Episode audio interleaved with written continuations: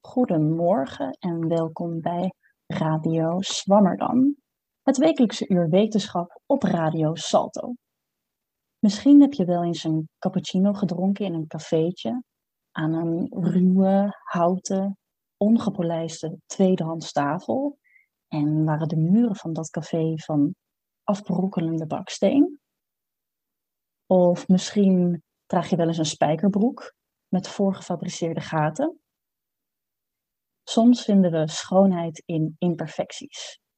Mijn naam is Anke Spekman en co-presentator vandaag is Teuntje van Heesen, ons nieuwe redactielid.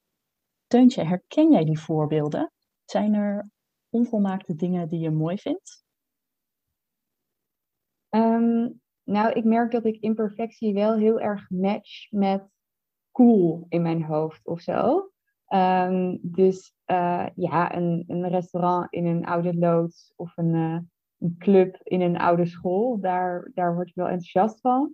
En ik merk ook dat ik bijvoorbeeld nu dan de hele tijd broeken koop, waarbij de onderkant dan niet is gestikt, maar die is dan gewoon een soort van rafelig afgeknipt. Uh, en dat is natuurlijk ook een beetje gek. Ja, ja oké. Nou, leuk om te horen dat jij dus ook wel wat ziet in die imperfecties. Um, de gast vandaag zijn twee onderzoekers van het onderzoeksproject Sublime Imperfections aan de Universiteit van Amsterdam. Fabienne Ragna, die hebt welkom. Dankjewel. Uh, Fabienne, jij um, bent uh, kunsthistoricus en schrijver en je werkt aan je promotieonderzoek uh, bij Sublime Imperfections. Hoe ver ben je met je onderzoek? Uh, ja, dat is een, uh, een uh, niet eenduidig te beantwoorden vraag. Want steeds als je zelf denkt dat je behoorlijk ver bent, dan komt er altijd wel weer een kleine kink in de kabel. Maar um, ik heb goede hoop om het dit jaar toch wel af te ronden. Oké, okay. nou goed om te horen. Toch, toch volle moed. en Rutte, ook welkom. Dankjewel. Jij bent uh, hoogleraar Slavische literatuur aan de UvA en je hebt het uh, onderzoeksproject Sublime Imperfections opgezet. Dus daar gaan we het vandaag uitgebreid over hebben. We hadden het in het voorgesprek al kort over corona. Uh, natuurlijk als een heel imperfecte tijd. Dus even een waarschuwing voor de luisteraar. De audiokwaliteit vandaag is niet perfect, want we nemen op over het videobelprogramma Zoom. En uh, Ellen, Zoom kwam ook al even ter sprake toen we elkaar eerder spraken. Wil je wat vertellen over de, de bedriegelijke imperfectie van de Zoom-vergaderingen? Ja, zeker. Um, wat ik interessant vond was dat uh, toen de lockdown net begon, ging ik eens opzoeken hoe, hoe, hoe praten mensen eigenlijk over Zoom uh, in termen van perfect of niet perfect. En toen viel me op dat er meerdere ja, artikelen, krantartikelen ook online te vinden waren, uh, waarin mensen zeiden, um, de COVID-lockdown zorgen voor een nieuwe nadruk op imperfectie, want iedereen durft zijn ware ik online te zien, uh, gaat gewoon in een oude joggingbroek uh, voor de camera zitten, onopgemaakt, et cetera. Dus er is een soort nieuwe oprechtheid die we online zien. En ik vond dat wel interessant, want ik dacht, is, is dat, in, in hoeverre is dat nou inderdaad ongepolijst? Um, ik vond het interessant dat die begrippen ook aan elkaar werden gekoppeld. Uh, ik probeer dat ook te koppelen aan mijn eigen vergaderervaringen, waar toch mensen soms wel uh, uh, ja, er quasi informeel uitzien, maar je weet dat er in de praktijk vaak heus wel over is nagedacht. En na een tijdje begon ik dus ook andere stukken te zien die online verschenen, waar mensen juist gingen zeggen, goh, uh, je ziet in, in Zoom-vergaderingen weer een nieuwe, bijvoorbeeld webaccounts waar mensen gingen zeggen, hey, uh, mensen gaan online tegen elkaar opbieden met uh, de grootste boekenkast. Twitter-accounts waar... Um, mensen allemaal foto's laten zien van uh, zoemende wetenschappers uh, die uh, enorme boekenkasten achter zich hebben. Ja, ik voel me nu een beetje ongemakkelijk, want jij zei net al, we voeren dit gesprek via Zoom en achter mij is dus een hele grote boekenkast.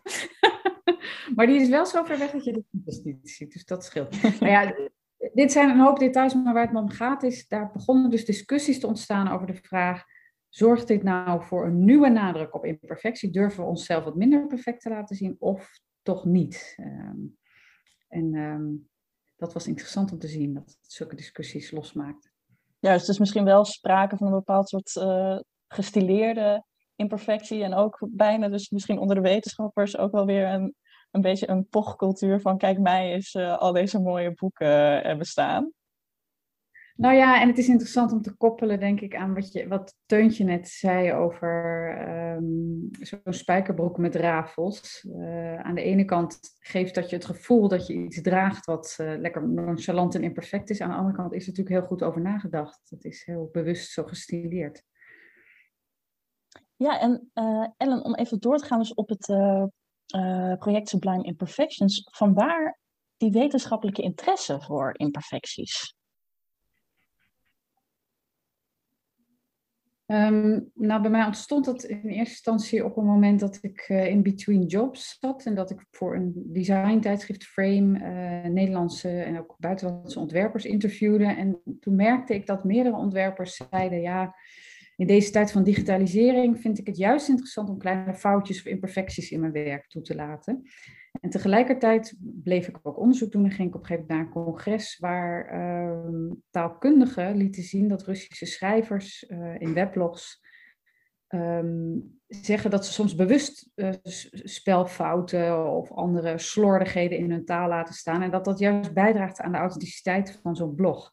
Toen dacht ik, hé, hey, wat grappig dat dat op heel verschillende plekken, in heel verschillende disciplines mensen in vergelijkbare termen spreken over imperfectie als iets positiefs. Ja, en dat heeft me eigenlijk niet meer losgelaten. Dus toen ben ik daar onderzoek naar gaan doen. Um, en dat doe ik nu nog. Ja, dus uh, je had het al over dus de uh, spelfouten en uh, foutjes in, in design. En ja, hoe, hoe doe je dan onderzoek naar imperfecties, naar die imperfecties? Mm -hmm. Nou, wat een beetje lastig was en wat ook uh, best ingewikkeld is, of uh, misschien zelfs onverstandig aan het project uh, zoals ik het nu heb opgezet. Um, ik ben er uiteindelijk heel tevreden over, maar daar zit een soort um, ingewikkeldheid in de manier waarop we het project hebben opgezet, om, omdat zeker in het overkoepelende project ik echt wil kijken naar allerlei plekken in de wereld, allerlei momenten in de geschiedenis en allerlei disciplines waarin die liefde voor het imperfect terugkomt. Ik vind het juist leuk om die enorm verschillende praktijken waarin je tegenkomt naast elkaar te zetten.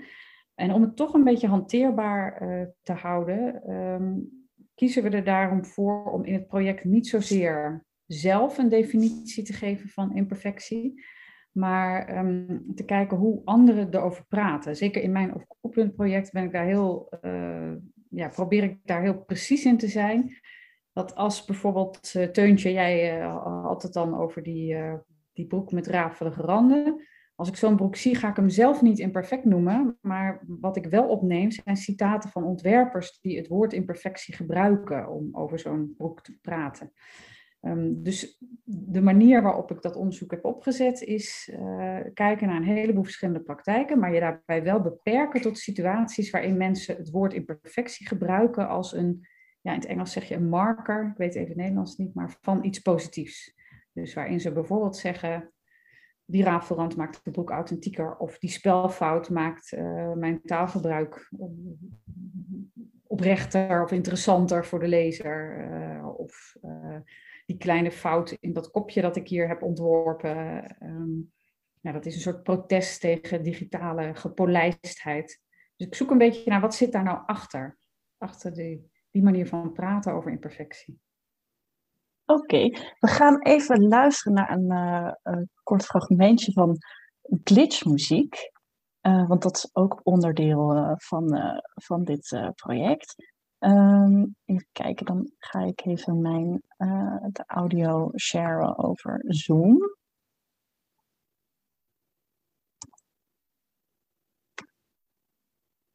Ja, misschien terwijl jij de muziek klaarzet. Oh, ja. Wat interessant is dat glitch uh, staat oorspronkelijk voor uh, een, een, een, foutje. Dus bijvoorbeeld in een computerprogramma. En glitchmuziek en glitchkunst, dat is muziek en kunst waarin dat soort foutjes uh, bewust worden ingezet. Dus dat even voor context. Ja, nou we gaan dus even naar deze imperfecte muziek luisteren.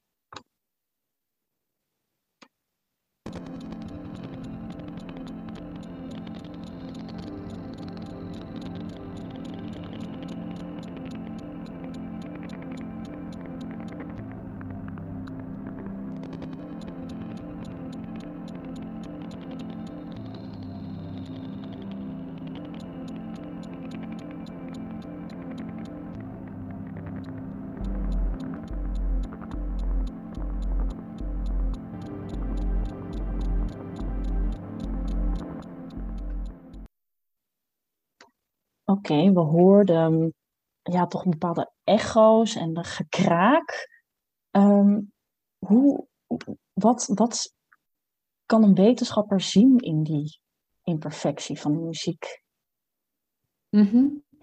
Ja, terwijl we luisterden, dacht ik ook nog even aan die vraag van jou van net. Hoe, hoe doe je hier onderzoek naar? Je kunt natuurlijk als wetenschapper, dat wordt ook wel gedaan, uh, zo'n nummer analyseren en als muziekwetenschapper beschrijven wat er precies gebeurt. Dan kun je het hebben over, uh, ja, hoe noem je dat, overslaande, uh, een overslag in het tempo, ruis, dat soort termen. Um, en wat we in ons onderzoek doen, of wat ik in ieder geval in, in het onderzoek doe, in mijn deel van het onderzoek, is dat ik eerder kijk naar recensies of de manier waarop in bestaand onderzoek door muziekwetenschappers en cultuurtheoretici hierover wordt gepraat. En wat voor termen zij dan gebruiken um, als ze het hebben over de mate waarin glitch imperfect is. Dus er is bijvoorbeeld een hele bekende uh, glitch-theoretica, Rosa Menkman, hier ook uit Amsterdam toevallig. En die um, zegt dat er een soort sublieme kracht zit in uh, glitchmuziek. Of dat het interessante eraan is dat je um, dat het, een, het, het, loslaten van controle eigenlijk symboliseert. Je kunt natuurlijk met digitale technologieën de muziek steeds gepolijster maken, maar die controle wordt losgelaten. Nou, en waar ik dan onderzoek naar doe, is de momenten waarop zij de term imperfectie koppelt aan zo'n concept als controle, het sublieme, um, dat soort grotere termen die gaan over ja, hoe, hoe ga je ook om met, met het leven in feite. Met het feit dat, dat je in het leven niet altijd over alles controle hebt.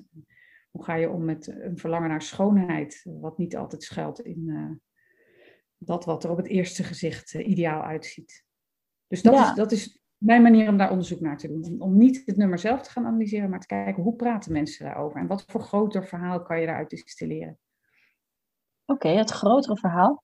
Um, wat zijn nog andere, zullen we nu even muziek laten horen, want dat werkt natuurlijk goed op de, draai, maar wat zijn misschien andere uh, kunstvormen of objecten die, waar jij dan uh, ja, die jij meeneemt in jouw onderzoek?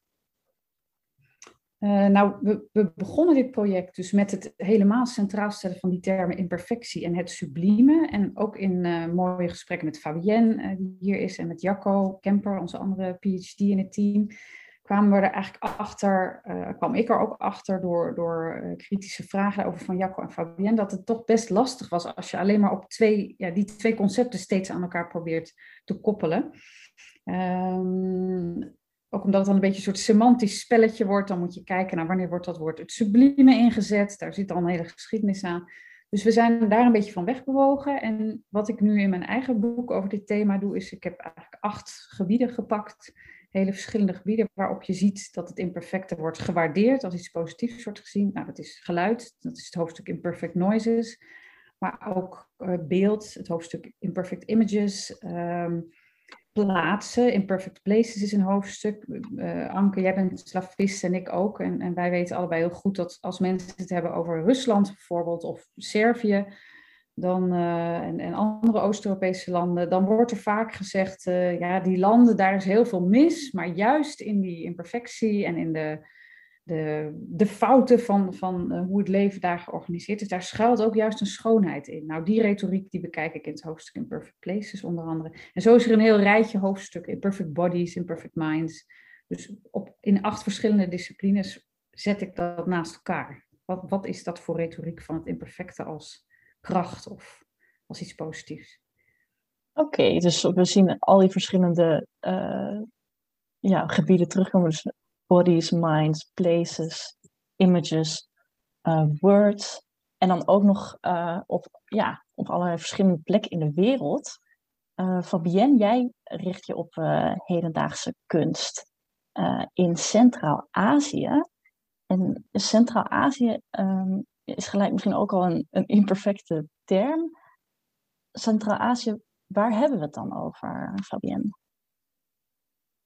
Uh, nou ja, Centraal-Azië, meestal worden daar uh, de vijf landen die uh, onafhankelijke republieken zijn geworden na de val van de Sovjet-Unie namelijk Kazachstan, Kyrgyzstan, Oezbekistan, Tajikistan en Turkmenistan mee.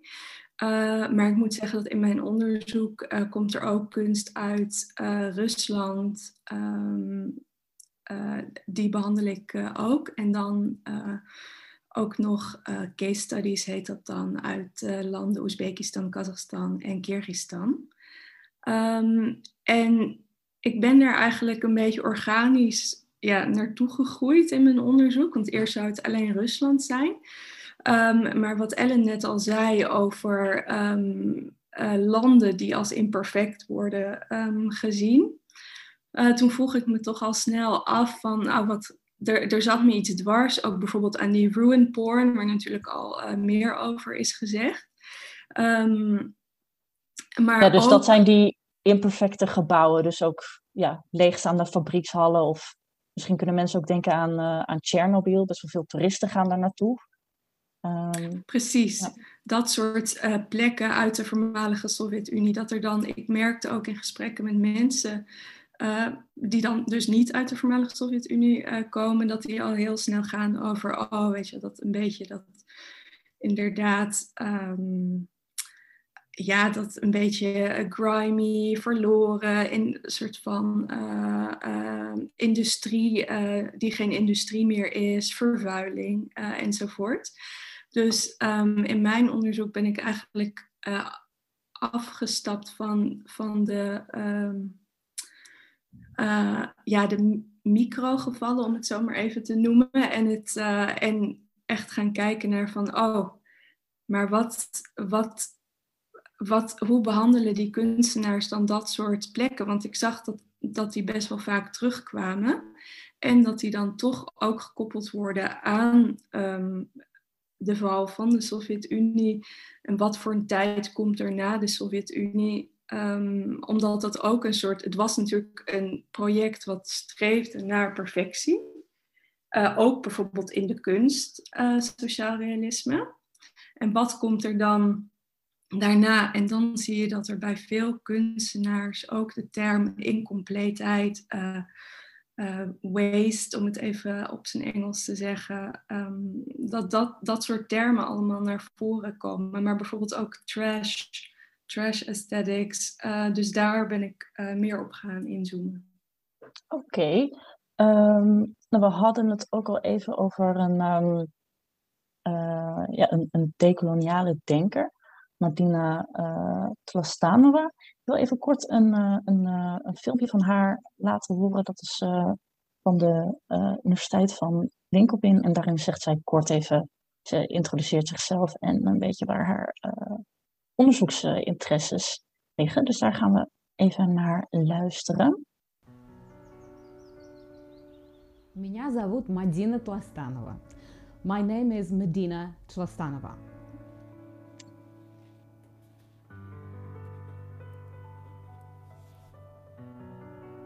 For me, any kind of research starts with um, looking for the ways to make this world a better, a more fair place for uh, ultimately for all of us. My research interests focus around issues of uh, inequality, racism, xenophobia, heterosexualism. Both my personal and collective experience is crucial uh, for my research.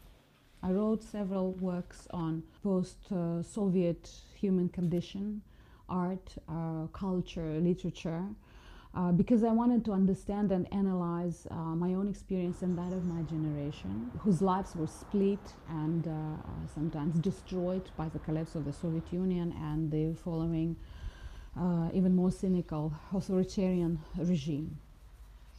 Art plays crucial role in societies where people cannot express themselves freely. Artistic influence may seem to be less immediate uh, and powerful than uh, direct political dissent. Yet at the same time, art has a potential in slowly changing the society and changing the way people look at things. Oké, dus zij zegt dat, uh, um, dat kunst zeker ook in uh, gebieden waar misschien uh, ja, autoritaire regimes zijn, dat kunst daar ook een hele belangrijke rol speelt. Um, Fabienne, wil jij daar misschien wat meer over vertellen? Die politieke situatie daar en hoe dat uh, samenvalt, misschien met de kunst. Um, ja, wat je uh, ziet is dat in de uh, vroege jaren negentig um, in de Centraal-Aziatische landen, in het ene land wat meer dan in het andere, dat er wel een soort relatieve openheid ontstond om, om wat meer te experimenteren met kunst. Maar tegelijkertijd um, ja, zijn er heel weinig, nog steeds heel weinig financiële middelen. Uh, er is ook niet echt een, een, institutionele infrastructuur zoals we die hier bijvoorbeeld wel hebben. Dus kunstenaars zijn heel erg op zichzelf en op hun eigen netwerk aangewezen. Uh, begin uh, van deze eeuw um, was er bijvoorbeeld de Soros Foundation, die veel um, contemporary art projects heeft uh, gefinancierd. Um, in verschillende Centraal-Aziatische landen. Maar ik denk waar het Lostane het over heeft, is dat er juist omdat kunst dus zo ja, tussen de mazen van de wet wegglipt en zo toch een bepaald soort ruimte schept die zich onttrekt aan allerlei officiële domeinen dat daar toch um, juist daar mogelijkheden zijn om uh, na te denken uh, over wat, ja, wat is de rol van kunst in omgang met de geschiedenis, zoals dus het uiteenvallen van de Sovjet-Unie. En in het geval van um, ja, niet alleen de Centraal-Aziatische landen, maar ook heel veel um, bijvoorbeeld volk uit de Caucasus, van wie de taal toch wel redelijk onderdrukt is geweest ten tijde van de Sovjet-Unie, te gaan kijken wat er nog van over is. En daar komt dan ook toch wel weer imperfectie bij kijken, omdat het allemaal een soort brokstukken zijn. Dus er is een, uh, de taal, de eigen taal is imperfect geworden. De kennis daarvan is, is um, ja, verbrokkeld. Um, het is niet meer een geheel. Dus en je kunt natuurlijk ook niet meer terug naar zo'n geheel, zeg maar. In Kazachstan, de mensen kunnen niet meer terug naar een soort nomadische cultuur. Dat, dat kan gewoon niet meer. En dat, dat is ook niet per se de bedoeling. Maar ze kijken dan uh, wel wat dat, wat dat betekent. Want eh, ik zal even het geval van Kazachstan uh, nemen, is uh, wat je ziet uh, na 1991. Kazachstan was het laatste land wat uit de Sovjet-Unie stapte in december 1991.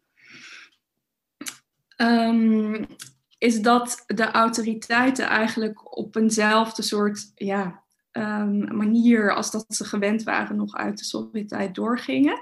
En in het geval van kunst betekende dat dat um, de Lenins en Kalinins en al die andere uh, figuren, die uh, standbeelden die iedereen wel kent, die werden gewoon vervangen door uh, snel opgetrommelde helden uit een, uit een pre-Sovjet verleden. Um, zonder dat daar een enorme publieke discussie over was. Van wie zullen we eigenlijk een standbeeld geven? En dat is dan het officiële kunstdiscours. Um, ja, en de, stijl, de stijl bleef dus ook hetzelfde. Ja, dus dat is heel grappig, want dan heb je, of nou ja, grappig, het, het heeft gewoon wel iets komisch, want dan heb je dus een een of andere, uh, weet ik veel wat, een 14e eeuwse Kazachse uh, nomadische ridder, die dan precies dezelfde gezichtstrekken heeft als Lenin, omdat het in de, dezelfde soort vorm wordt, uh, gestandaardiseerde vorm is um, gegoten. En als, als ik mag aanvullen, wat ik ook interessant vind aan, aan wat jij vertelt, is, we hadden het net over dat bepaalde delen van de wereld uh, door anderen buiten als imperfect worden gezien. Maar wat jij nu beschrijft, zorgt. Ik, ik herinner me een onderzoek wat ik heel interessant vond van een antropologe, die liet zien dat uh, ook. Dat ging dan niet om uh, Centraal-Azië, maar om een bepaalde stad in Siberië, waar mensen zagen dat veel dingen ja, ook op zo'n weet je, onhandige, soms komische manier geregeld zijn. En zij, zij, zij liet ook zien dat dan de term imperfectie vaak gebruikt wordt door mensen om om daarmee om te gaan als een soort verwerkingsstrategie bijna. Dat mensen gingen zeggen, ja, dat zijn de imperfecties van ons leven, maar die zijn juist mooi, die zijn ons juist dierbaar. Nou, ik weet niet, Fabienne, of dat in dit geval ook speelt, maar ook op dat niveau, ja, zeg maar, om het, met het verwerken van dat soort dagelijks leven imperfecties, kwam dat terug in het taalgebruik van mensen. Ja, zeker. Wat je bijvoorbeeld ziet in uh, Kazachstan uh, begin jaren negentig, is dat uh, de kunstenares Almagul Menlibaeva um, de term punk-shamanisme, dat ze daarmee op de proppen komt. En, um, Sorry, wil je de term even herhalen, Fabienne? Punk-shamanisme. Punk-shamanisme, oké. En wat ze daarmee bedoelde, is dat ze ergens een soort uh, droefheid voelde. Dat zij zo uh, ja, onbekend en zo los van alles hun kunst aan het maken waren. Um, en dat er zoveel ook verwoesting had plaatsgevonden, ook op de steppen, door die nucleaire experimenten, door gewoon heel, toch wel ecologische destructie enzovoort. Uh, de afwezigheid van een uh, goed geoliede soort van institutionele kunstwereld. Uh, dat was er allemaal niet. Maar um, al die gebreken wilden ze dan toch aantrekkelijk maken. En daar, daarom kwam ze met de term punk-shamanisme. Um, zodat het iets, ja, een sublieme imperfectie, maar dus dat het toch iets, iets aantrekkelijks zou krijgen, iets mysterieus. Dus ook al zijn ze vergeten voor hun gevoel, vergeten door de, door de hedendaagse wereld, um, wilden ze er zo'n draai aan geven. Uh, en daar sloten zich allemaal andere kunstenaars bij aan, ook bij, die, uh, bij dat punk-shamanisme. Um, ja, het is misschien goed om te zeggen dat shamanisme ook in een imperfecte vorm nog steeds voortleeft in veel landen in Centraal-Azië. En um, voor, uh, voor de Russen en, en voor de Sovjets uh, was dat een veel gangbaardere, uh, veel meer gangbare praktijk. Um, en het heeft al die jaren, ook vanaf de zevende eeuw ongeveer, um, is de islam geïntroduceerd in Centraal-Azië. Maar het shamanisme is altijd voort blijven bestaan, want dat ging gewoon ja, soort van organisch samen met, uh, met allerlei stromingen binnen de islam. En mensen maakten er gewoon heel erg hun eigen soort van potpourri shamanisme van. En ja, eigenlijk is het dus nog steeds levend, um, omdat de kunstenaars er nu weer hun, uh, hun eigen draai aan hebben gegeven. En dus al die um, ja, gebreken en achterstelling enzovoort zetten ze dan toch in uh, voor, voor, iets, um, ja, voor iets cools of iets mysterieus. Oké, okay. hey, Fabienne, als ik aan kunst denk, dan denk ik al gauw aan musea en aan, aan galeries. Maar deze kunstenaars die, die jij bestudeert, ja, misschien bijvoorbeeld dat, um, die zich met dat punk shamanisme bezighouden, hoe, hoe vinden die een publiek? Um, ja, dat is een goede vraag. Uh, ik, denk deels uh, hebben ze zelf hun eigen weg gevonden. Uh, doordat ze uh, naar Europa zijn getrokken. Bijvoorbeeld uh, Melibaeva, die ik net noemde, die woont deels in Berlijn. Um, en ik denk dat, dat verschillende West, toch westerse instituten die geld hebben gedoneerd, daaraan hebben bijgedragen. zoals ook het Prins Klaus Fonds, wat hier in Amsterdam zit. Um, en de laatste soort van vijf à tien jaar heeft vooral het internet heel erg uh, geholpen. Um, waardoor er ook heel veel via Instagram bijvoorbeeld gebeurt. Dus er, en uh, gewoon online. Uh, er was onlangs um, een, ook een online expositie met allemaal ja, vrij jonge Kazachse kunstenaars. Ik geloof ook wat van, vanuit wat andere landen. En daar kun je dus vanaf de, vanuit de hele wereld gewoon van achter je computer toch op, op, op inloggen. Dus dat, ik denk internet heeft zeker geholpen.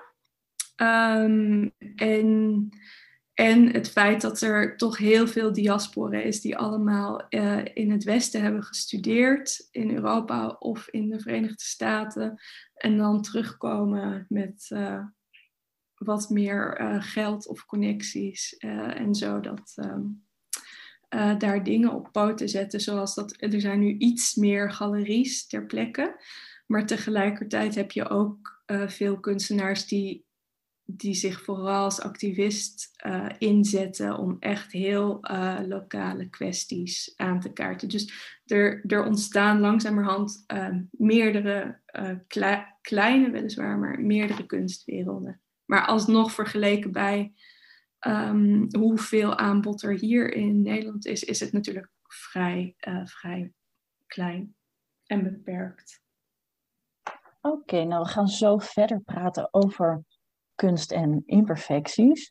Nu gaan we even luisteren naar de column. Die is geschreven door Susha van Weigerden. Sublime imperfections. Dat lijkt misschien wat tegenstrijdig, maar in de natuur zien we het eigenlijk heel vaak. Ten eerste zouden we eens de eh, imperfectie moeten definiëren. Is perfectie namelijk symmetrie, dan is imperfectie asymmetrisch. In de natuur zou je dan kunnen kijken naar de vleugels van een vlinder. Op het moment dat daar een asymmetrie ontstaat, dan is hij misschien wel uit balans. En dat zou niet zo'n goed teken zijn voor de overlevingskansen. Maar je kan perfectie ook zien als juist gelijkenis, als eenheid. En dan is perfectie juist hetgene wat er anders uitziet, de uitzondering, iets unieks.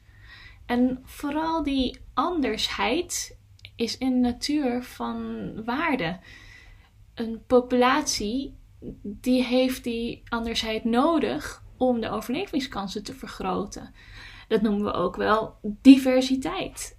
En dat is niet zomaar een klein dingetje. Dat is voor veel populaties het enige wat hun op de been houdt. Een leuk voorbeeld is misschien wel uh, onze perfecte honingbij. Die, uh, die maakt heel veel honing en die steekt bijna niemand. Dus een hele makke, makke bij.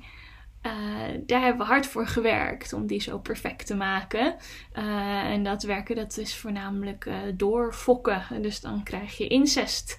De liefste bijtjes bij elkaar zetten. En op die manier een ras kweken. Wat perfect is voor het houden van bijen. Heel veel honing, weinig steken. Maar dus ook weinig divers. Want al die bijtjes zijn allemaal even perfect, allemaal even braaf. Uh, en dan krijg je dat ze ook allemaal hetzelfde zijn en dus ook dezelfde zwaktes hebben. Zo zijn ze bijvoorbeeld allemaal even gevoelig voor een bepaalde mijtenplaag. Dat zijn wel biotische risico's, zoals je dat dan kan noemen. En ze zijn ook bijvoorbeeld allemaal precies even gevoelig voor die ene uh, graad warmer of kouder in de, in de kas. Nou, dat is dan een, een, een abiotische gevoeligheid het vervelende van deze eenheid en perfectie in zo'n grote groep is dat ze allemaal hetzelfde reageren op stress, uh, op een bepaalde stressor. Dus dan krijg je eh, het fenomeen CCD, Colony Collapse Disorder. En daar zijn heel veel imkers nu uh, voor aan het strijden om dat te voorkomen. Want ze zien die hele uh, kolonie in één keer het loodje leggen. Um, en daar worden allemaal oorzaken voor aangehaald, zoals de, de, de verschrikkelijke pesticiden. En dat, dat is ook zeker een, een groot probleem. Um, en ook de, de mijtenplagen en klimaatverandering worden allemaal aangehaald. Maar wat wel belangrijk is om te realiseren, is dat deze, uh, het gebrek aan imperfectie in zo'n kolonie ervoor zorgt dat ze allemaal precies hetzelfde reageren. Dus je zou kunnen zeggen dat, uh, dat onze perfecte honingbij misschien net iets te perfect is. Variatie in de natuur is overleving. Dus we zoeken eigenlijk naar de perfecte imperfectie. Er is een uh, wetenschapsfilosoof en evolutionist, die heet uh, Telmo Pievani. En die heeft een boek geschreven, Imperfection, A Natural Story. En hij gaat daar eigenlijk over het verhaal dat imperfectie de essentie is van alle evolutie. En ik, ik ga een quote voorlezen uit het boek waarin hij dat uh, omschrijft. Perfect? Not at all. If it was, it wouldn't work. It is here, in fact, that the most brilliant of imperfections comes into play. From duplication to duplication, DNA is easily transmitted, but not without random copying errors. Duplication has always been imperfect. Slight changes, deviations, recombinations. DNA has this crucial ambivalence. It is stable, otherwise, there wouldn't be any transmission of genetic evolution, and at the same time, it is variable Otherwise, there wouldn't be any evolution. The error in evolution is that it is generative. It is the lifeblood of change. Dus zie jij ergens in je omgeving of in jezelf een imperfectie, een asymmetrie, een uniek geval, dan zie jij daar mogelijk de redding van de toekomst. Ben je bijvoorbeeld lactose intolerant? die vervelende toekomstige melkbacterie, die overkom jij. En heb je heel veel sproeten, nou dat gat in de ozonlaag, daar heb jij helemaal geen last van straks. Uh, extra gevoelig voor geluid, nou wellicht schuil jij daardoor net op tijd voor die meteor. Al onze imperfecties dragen bij aan een diversiteit. En die diversiteit is hetgene wat onze overlevingskansen versterkt. Voor sommige imperfecties weten we misschien nog niet helemaal waarom we die nodig hebben. En misschien is dat maar beter ook. Maar onderschat ze niet. Onderschat niet de waarde van onze imperfecties. En hoe wij met al onze imperfecties bijdragen aan de overleving van onze soort. Susha, dankjewel voor de mooie column. Uh, nou, Susha die uh, had het dus over perfecties en imperfecties in de natuur. Bijvoorbeeld onze misschien iets te perfecte honingbij. Dat lijkt me een mooi bruggetje naar jouw onderzoek, Fabienne. Want uh, klimaatverandering is alomtegenwoordig in Centraal-Azië. Hoe, raakt jouw onderzoek aan het, aan het thema klimaatverandering? Ja, ook dat is er weer organisch bij gekomen. het, ja, onderzoek lijkt soms van de buitenkant altijd van tevoren heel erg goed doordacht, maar dan vaak zijn er veel toevalligheden um, die het ene of het andere ehm, pad opbrengen. Ehm, maar ik was uh, ja, letterlijk onderweg om onderzoek te doen voor mijn ene case study in Kyrgyzstan. En ik vloog uh, over Zuid-Kazachstan met het vliegtuig en ik keek naar beneden en ik dacht, god, wat zou dit nou zijn? En toen bleek het het Aralmeer te zijn. Of in ieder geval wat er dus van over is. En ik vond dat zo'n chockerend beeld. Um, want je ziet dat altijd wel in de media, uh, je hoort het ook gewoon van ja, mensen om je heen. Um, wil je even dat vertellen? Wat is dat Aralmeer? Wat is daarmee ja, gebeurd? Het, Aral, het Aralmeer uh, was uh, het op drie na grootste meer ter wereld. Um, en dat is in de 20e eeuw in heel rap tempo um, ja, bijna verdwenen. Er is nu nog een heel klein uh, reservoir over in, uh, op uh, Kazachs grondgebied.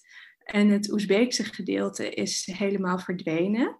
En waar dus eerst water was, is nu een woestijn. Uh, en de bodem ligt vol met pesticiden. Die zijn overgebleven van de intensieve katoenproductie. die jullie misschien wel bekend is van de Sovjet vijf jaren plannen voor bijvoorbeeld Oezbekistan. Um, voor die intensieve katoenproductie zijn de twee belangrijkste aders van het meer, twee rivieren, omgeleid om dus die katoenvelden te irrigeren. waardoor het meer droog is komen te liggen in de loop van de 20e eeuw. Um, ook waren er verschillende eilanden in het meer waarop de Sovjets hun ja, bijna science fiction-achtige tests deden. Uh, met allerlei biochemische wapens. En ook uh, dat afval ligt dus nu op die um, droge bodem. waar de wind overheen kan blazen en dat tot honderden kilometers in de omtrek die gifstoffen met zich meedraagt. Dus dat heeft natuurlijk verschrikkelijke ecologische gevolgen voor zowel de mensen als de dieren en de planten die die uh, uh, deel uitmaakten van dat uh, Aralmeer. Oké, ja, en hoe, hoe komt um, dat thema, die, die milieuvervuiling, um, terug in, in de kunst in Centraal-Azië? Um, ja, dus dat Aralmeer is letterlijk soort overblijfselen. Het, is niet meer het perfecte meer wat het was. en hoe dat uh, meer geportretteerd wordt eh, in de, bijvoorbeeld de journalistieke artikelen die ik erover ben tegengekomen of meer populaire media. Um, viel het me ook op wat Ellen in de introductie net zei, dat het ook ja, toch een beetje dat, dat um, die soort van aantrekkelijke imperfectie. Dus het heeft iets spectaculairs natuurlijk. Van, oh kijk, het is een woestijn waar eerst een meer was. En dan uh, zie je die kleuren van die woestijn zijn heel dik aangezet tegenover het blauw van de lucht. En al die roestige uh, infrastructuur die er omheen was, die nu dus um, niet meer ja, stilgevallen, uh, verroeste schepen op de bodem van een, woestijnbodem nu dus. Uh, dat heeft natuurlijk in visueel opzicht iets aantrekkelijks, uh, maar ook iets oppervlakkigs. Uh, het, het, is natuurlijk een enorme ramp. En ik kwam in het werk van verschillende kunstenaars, kwam ik dit meer tegen, zoals ook weer Amagol Melibara, die ik net noemde. En zij laten weliswaar diezelfde soort um, visuele dooddoeners zien. Dus dat, uh, die, uh, die wrakken, die scheepswrakken uh, enzovoort. Maar zij brengen daar al, uh, bijvoorbeeld, brengt daar allerlei lokale geschiedenissen bijeen. En die wekt ze um, allemaal tot leven, waardoor er een soort gelijktijdigheid ontstaat. Dus alsof er nog steeds um, shamanen rondlopen. Uh, die proberen het water terug te krijgen van dat Aralmeer. Uh, maar je zou ze ook kunnen zien. Um, je ziet dan bijvoorbeeld wezens die half vos zijn, of een soort centaurs, wat dan ook weer verwijst naar de nomadische cultuur uh, die daar heel lang was. Um, maar het zou ook een soort toekomstbeeld kunnen zijn uh, wat zij laat zien van het uh, Aralmeer. Um, namelijk, het is, we moeten nu dus leven met, met dat opgedroogde meer. Uh, maar wat kunnen we er nog van repareren? Wel, wat, wat valt er nog te herstellen en wat niet? En misschien um, is het wel een soort, inderdaad, een soort science fiction-achtig uh, plek uh, waar ook allerlei cyborgs leven. Die dus uh, mensen die niet meer mens zijn zoals wij ze kennen, maar die een soort symbiose zijn aangegaan met, met de dieren die zijn overgebleven. dus het is een heel. Um, ja, ze maakt dus van die, die, die visuele clichés maakt ze eigenlijk een, een nieuwe um, uh, visuele aantrekkelijkheid, waardoor je, er, je wilt er graag naar kijken. Um, en dan begin je te denken, oh, maar wat is deze plek eigenlijk? En in welke tijd is, uh, uh, speelt dit zich af? Um, omdat er zoveel temporaliteiten door elkaar heen lopen. En dan begin je ook na te denken, wat is er nou eigenlijk gebeurd? Wat zijn al die geschiedenissen van het Arelmeer? Is er nog iets aan te doen? Het herstellen tot het vierde, vierde grootste uh, meer op aarde, op drie na, krijg ik altijd een nummer, um, dat zal niet meer kunnen. Maar wat kunnen we doen met, met, ja, met de brokstukken die er liggen? Hoe kunnen we daar nog iets ja, wat kunnen we daarmee verbeelden? Ehm, ja, want dus het, het Arelmeer is dus eigenlijk, het opdrogen daarvan is een, is een probleem van het verleden. Dus het is ook heel erg eh, gekoppeld aan het Sovjetverleden. Maar in, de heden, in het heden moet daar mee om worden gegaan. Maar het is ook misschien eh, op een bepaalde manier ook een, een voorspelling voor de toekomst. Want de klimaatproblematiek is een groot thema. Eh, in het Westen denken we daar toch over als het soort toekomstmuziek. maar daar in, in Centraal-Azië zit het dus in al die tijdgebieden, in het verleden, het heden en de toekomst. Kunnen we, kunnen we daar iets van leren? Ehm, nou, dat weet ik niet, want het is natuurlijk geen aantrekkelijk toekomstbeeld. als je het even als toekomstbeeld eh, neemt. Want het, op een rare manier lopen zij dus op de ene of andere manier is er het gevoel van de hele voormalige Sovjet-Unie loopt achter in de tijd. Die hebben nooit kunnen aansluiten bij de westerse hedendaagsheid. Ehm, in ieder geval bij veel kunstenaars geven uitdrukking aan dat gevoel.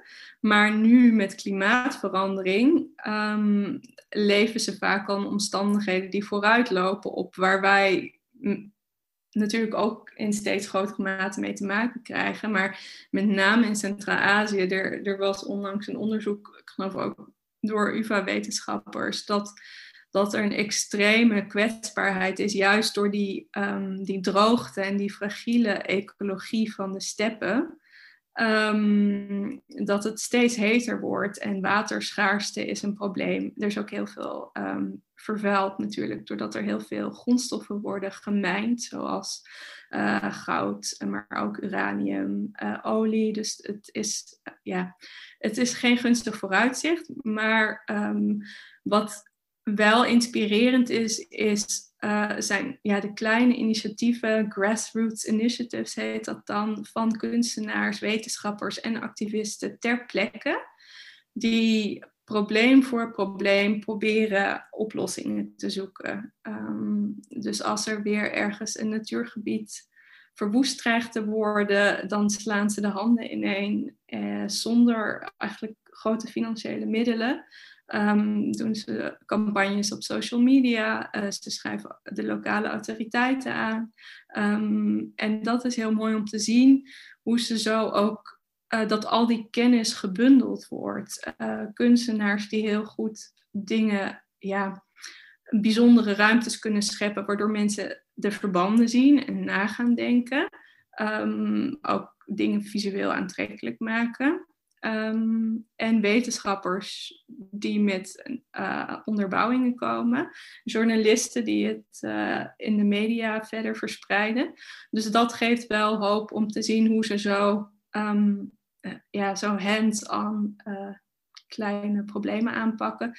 Maar ja, als je ziet hoeveel financiële belangen er uiteindelijk zijn door grote bedrijven en de fossiele industrie, dat, dat ja, dat is eigenlijk hetzelfde wat er hier natuurlijk met uh, in Nederland bijvoorbeeld met Tata Steel en het uh, vervuilende, gewoon het lozen van gifstoffen in het water. Dus ja, daar word je natuurlijk niet heel vrolijk van, maar die kleine concrete initiatieven, die bieden wel de meeste hoop, denk ik. Oké, okay, dankjewel Fabienne. Uh, Ellen, er komt een, uh, een, uh, een, boek aan. Wil je ter afsluiting daar misschien wat over vertellen? Ja, heel graag. Dat is de uitkomst van een congres dat we samen met Fabienne en Jacco, dus onze twee PhD's, hebben um, opgezet twee jaar geleden. Daar kwamen onderzoekers uit de hele wereld, of in ieder geval Oost-West-Europa, Australië, Amerika, bijeen. Um, allerlei verschillende gebieden die ook vanuit allerlei verschillende disciplines gingen kijken naar concepten als imperfectie, fouten, uh, falen uh, als iets positiefs. En uh, het boek dat daaruit is gekomen heet Imperfections, Studies in Mistakes, Flaws and Failures. Um, en um, dat komt later dit jaar uit bij uitgeverij Bloomsbury. Um, dus ik ben heel blij dat het gelukt is om uh, zo'n bundel te maken waarin we inderdaad laten zien dat je in een heleboel verschillende disciplines die taal van imperfectie, soms ook dooddoeners, hè, vond ik mooi dat je dat noemde Fabienne, want op een gegeven moment ja, zeggen dat het leven mooier is als je je perfecties omarmt is inmiddels ook een cliché. Ehm, maar we laten in die bundel zien hoe die manier van denken op heel veel plekken terugkomt. En hoe die ook los van het feit dat het soms een cliché is, toch heel zinvol en waardevol kan zijn op heel veel gebieden. Oké, dank jullie wel. Dan uh, zijn we alweer aan het eind gekomen van deze uitzending van Radio Zwammerdam. Uh, ik wil jullie heel erg bedanken voor jullie tijd. En uh, ja, wie weet gaan we wel zelf ook wat actiever kijken naar imperfecties nu. Um, je kunt uh, deze uitzending later terugluisteren op uh, alle podcastkanalen als Spotify en SoundCloud. Je kunt ook reageren op deze uitzending. dat kan je te doen door te mailen naar redactie.radiosammerdam.nl. Maar je kan ook een bericht achterlaten op de sociale media. Dus we zijn ook te vinden op Instagram en Facebook en Twitter. Uh, voor nu heel erg bedankt voor het luisteren en hopelijk tot volgende zondag.